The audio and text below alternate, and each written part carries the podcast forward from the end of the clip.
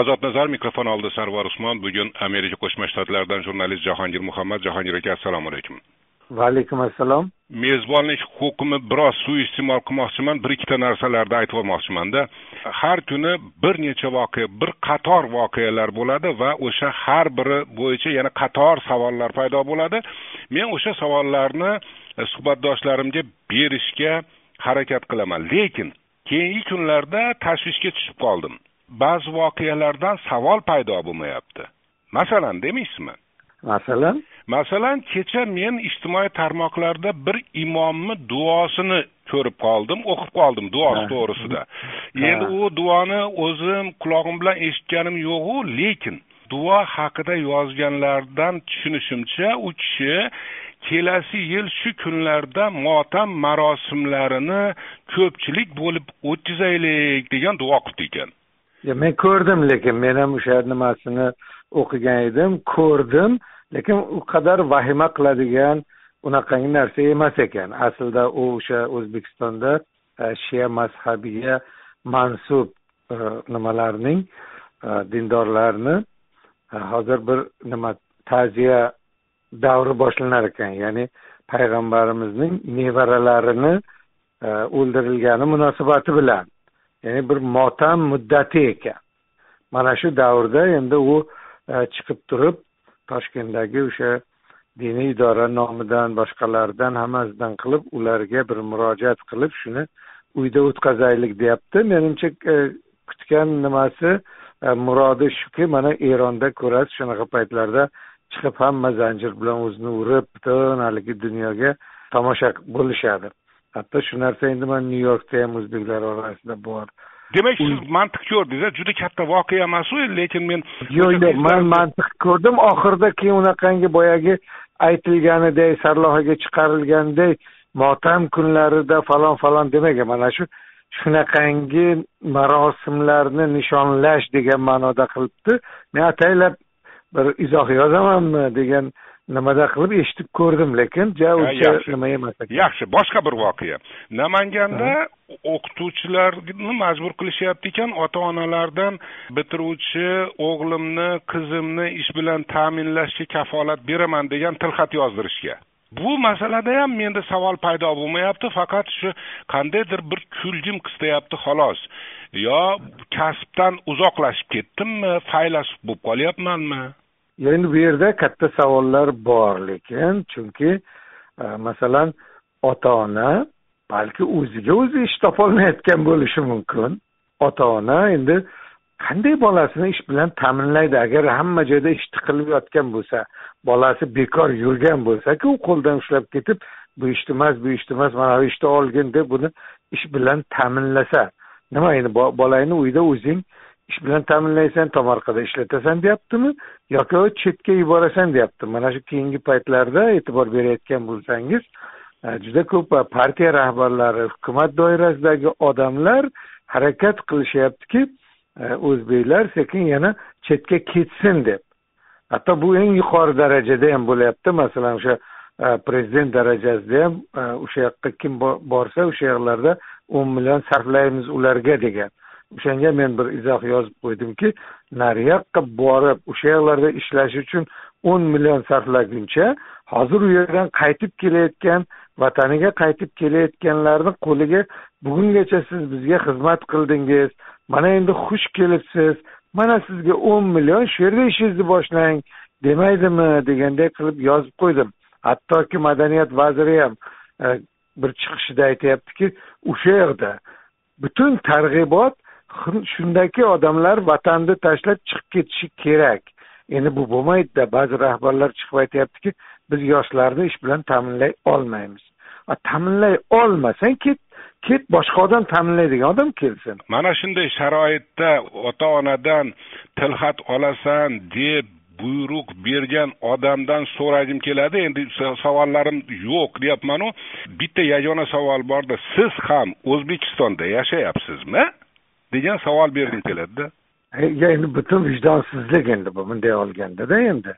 Chunki boshqa qiladigan ishlari yo'qmi ularni? Yo'q qiladigan ishlari shuki endi tepadan talab bo'lyapti. Mana karimov paytda ham esingizda bo'lsa bandlik bo'yicha talab bo'lardi lekin u paytda qo'shib yozish bor edi. Shuncha million odamni shuncha million odamni ish bilan ta'minladim derdi. Shu bilan ketdi hamma narsa endi bugun har holda shu qo'shib yozish boshqalar ozgina mana oshkoralik davrida oshkor bo'lib qolyapti. Ana endi ota onani bo'yniga yuklayaptiki sen mas'ulsan o'sha bolangga ish topib berishga deb. Endi bu mutlaq davlatning unda xalq pul berib e, hukumatni nimaga tuzadi? Bu partiyalar nima uchun kerak? Haligi planlashtirish idoralari nima uchun kerak? Ularni hech keragi yo'qda unda.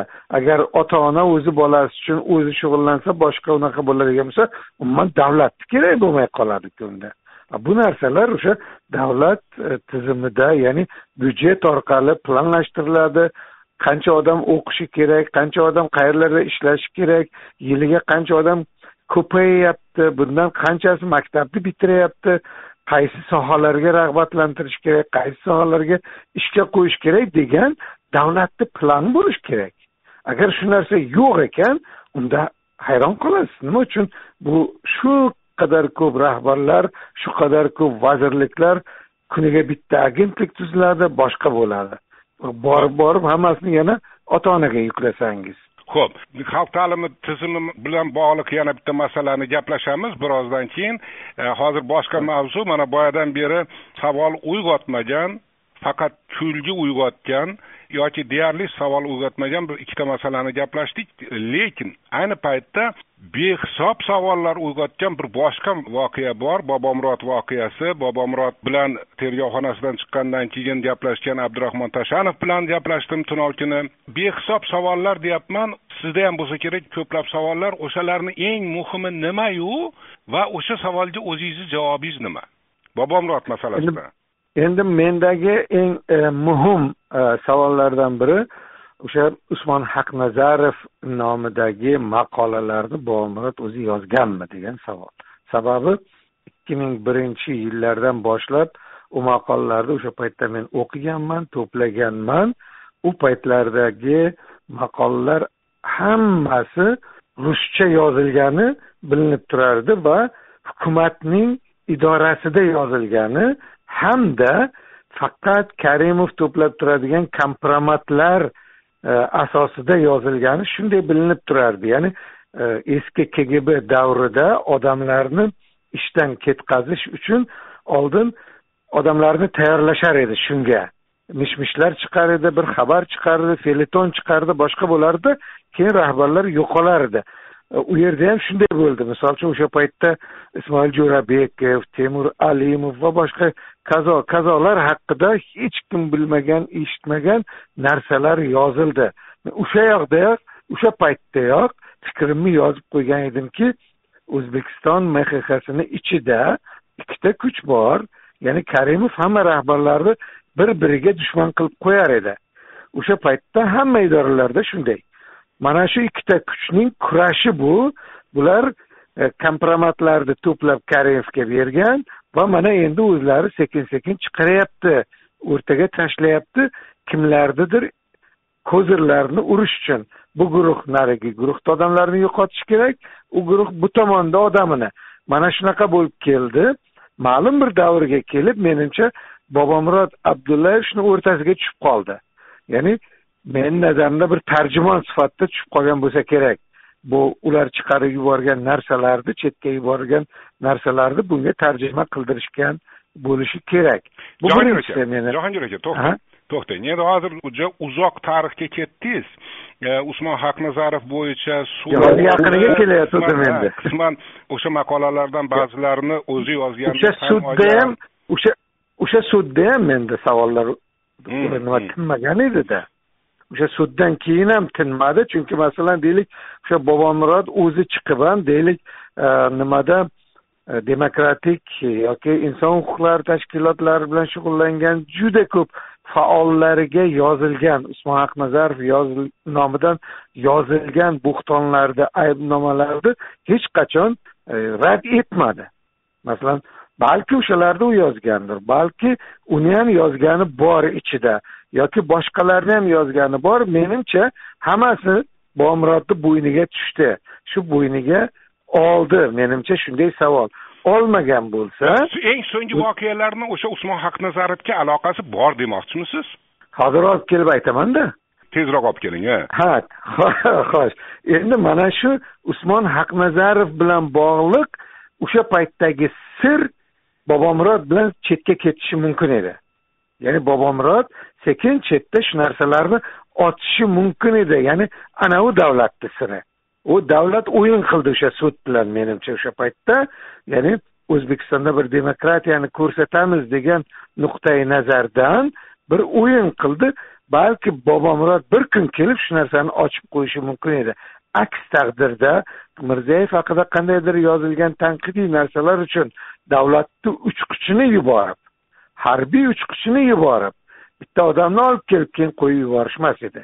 Ya'ni bu odam da xavfli informatsiyalar bo'lgan degan e, menda shu fikr bor. Hozir ham bobomurod abdullayev maxfiy informatsiya tashuvchi odam demoqchimisiz man shunday demoqchiman hozir ham. Shuning uchun ham uni tergovga u sud usmon haqnazarov bo'yicha sudlangandan keyin tashqariga chiqib ketdiku tashqarida ham yurdiku menimcha.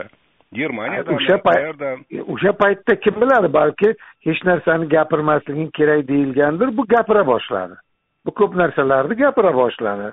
Mana shu narsa e, menimcha tahlika uyg'otdi. Chunki mirziyoyev haqida juda ko'p tanqidiy maqolalar yoziladi. Mamlakatni ichidan odamlar chiqib gapiradi. Qancha videolar bo'ladida ularga e, munosabat bildirmagan hukumat ularga qandaydir bir ochiqlik bilan qaragan yoki bitta tanqid bilan gazetadagi bitta tanqid bilan javob qilgan hukumat o'zini jahon e, nimasida siyosiy minbarida o'zini bir qiyin ahvolga tushirib bir kishini borib olib kelmoqda.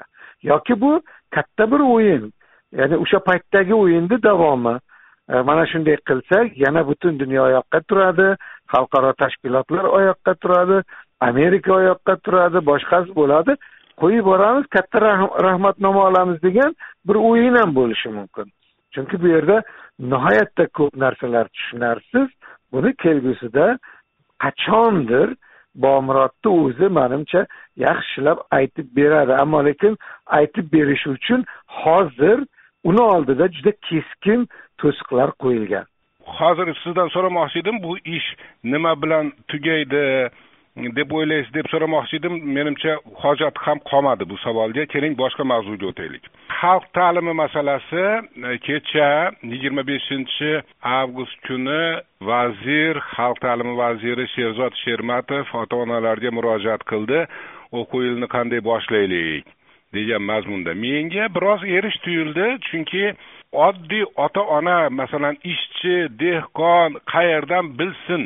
Ota onaga qolsa shu maktabga borsada bolasi biroz to'polondan qutulsada endi men an'anaviy bir o'zbekni zehniyatidagi gapni aytyapman. E ota onalar bilan maslahatlasharmishda ular nima desa shu bo'larmish. A ilm qayerda qoldi? Mutaxassislar qayerda qoldi? Vaziyatni taroziga solib imkon darajasida aniq tiniq prognozlar qilib shunga qarab vazirlik o'zi qandaydir bir qarorga kelsa bo'lmaydimi? Bu yerda bu yerda demokratiya demokratiya o'yinimi? Xususan mana sizlarda e, amerika qo'shma shtatlarida qanday hal qilinyapti shu masala yangi o'quv yiliga boshlash masalasi? Endi bilasiz mana e, o'zbekistonda hozir keyingi paytda kerakli muhim narsalarni amerikadan nusxa olishmaydida ba'zan judayam haligi u qadar o'zbekistonni hayoti uchun to'g'ri kelmaydigan narsalarni nusxa olishyapti. Shu narsani ham amerikadan nusxa olishgan chunki amerikada xuddi shunday qilindi. Ota onalar o'rtasida saylov qilindi.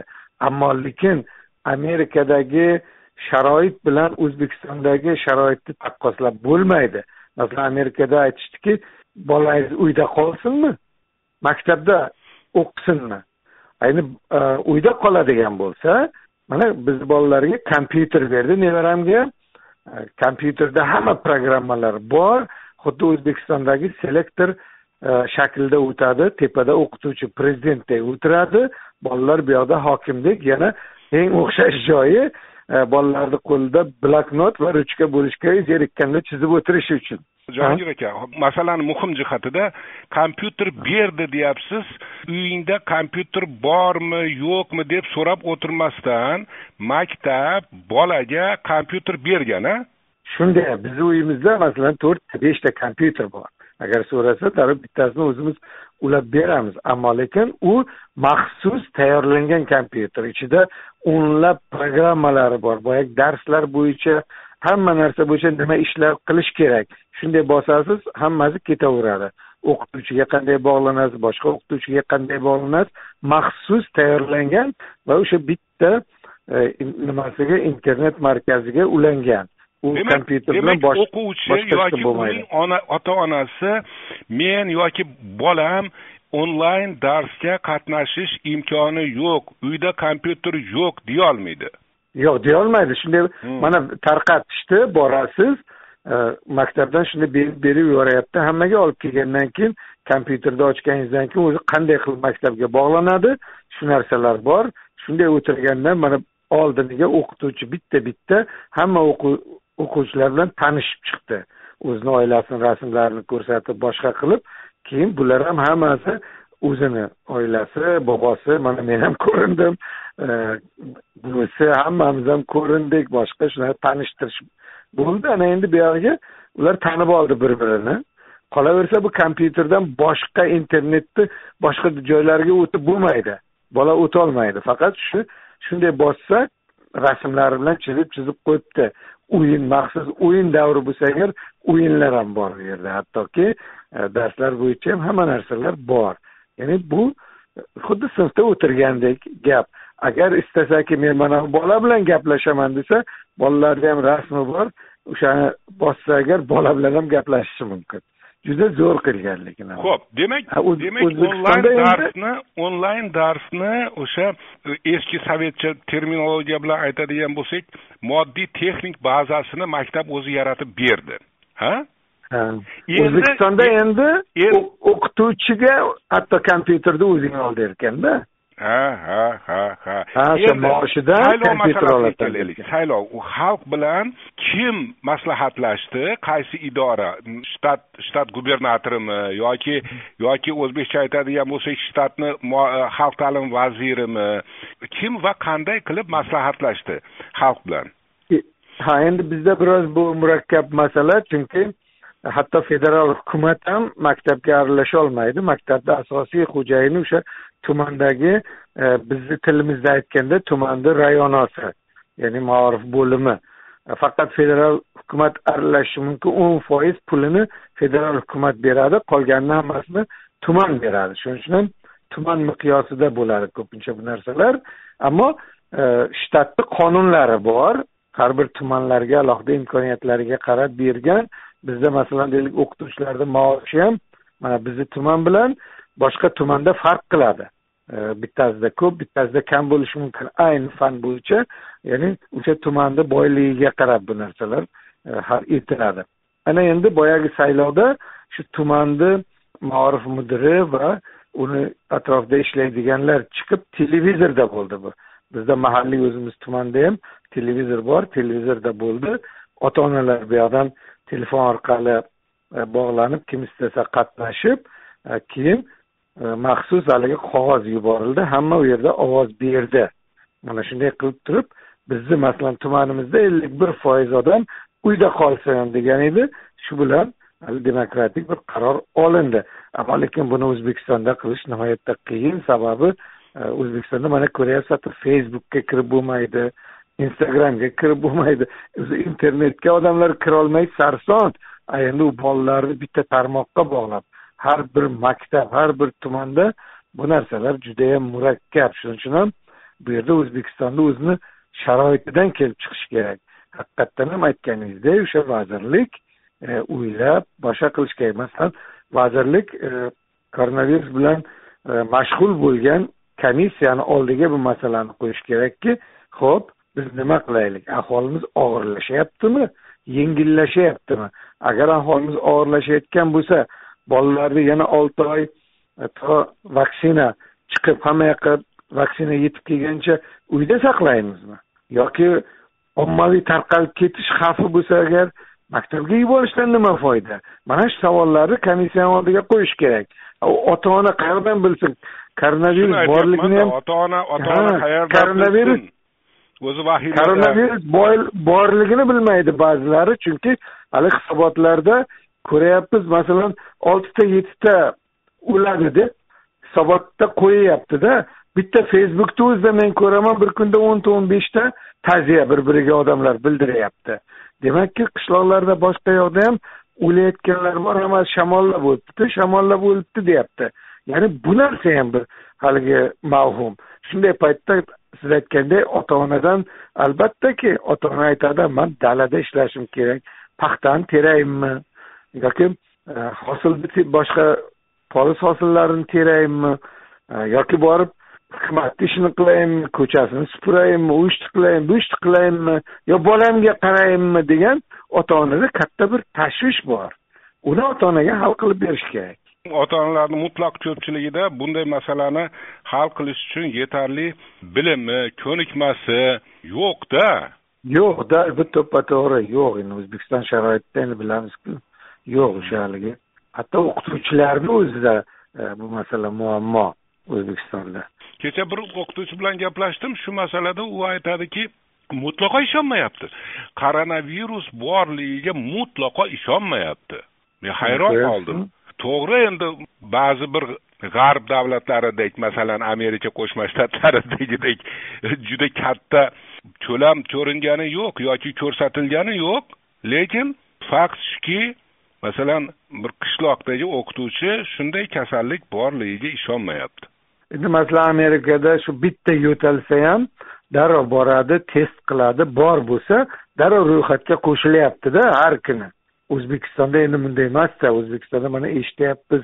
E, odamlar dod faryod qilib videolar qo'yyapti. Hatto bir video e, ko'rib qoldim men. Bitta palatada yotibdi yonidagisi o'lgan. E, men shu o'lgan odam bilan yotibman deb qo'ygan facebookka. Endi bu dahshat endi. Boshqa joylarda ham shunaqa o'z nimasi bilan boshqa kasal bilan o'lib ketyapti degan bir narsalar bor. Ertaga endi bu bolalarni o'rtasiga ko'chib ketsa bu ham yomon juda. Bugun kattalarni mana e, nima qilmasdan kollaps bo'lyapmiz deb o'zlari aytib o'tiribdi. Bolalarga tarqalib ketsa nima bo'ladi? Bu narsalarni o'ylash kerak. Buni ota onani bo'yniga sen bu masalada ham mas'ul haligi bolangga ish topib berishda ham mas'ulsan mana bu ham sanga mana bu ham sanga mana bu ham sanga va manga pul berishga ham mas'ulsan soliqni to'lashga ham mas'ulsan hammasiga sen deb qo'ysa bu butun g'irromlik bo'ladida. O'zing uchun o'l yetim. Yetim bo'ladi. Tamom amerika qo'shma shtatlaridan jurnalist jahongir muhammad edi. Rahmat sizga. Rahmat sizga. ham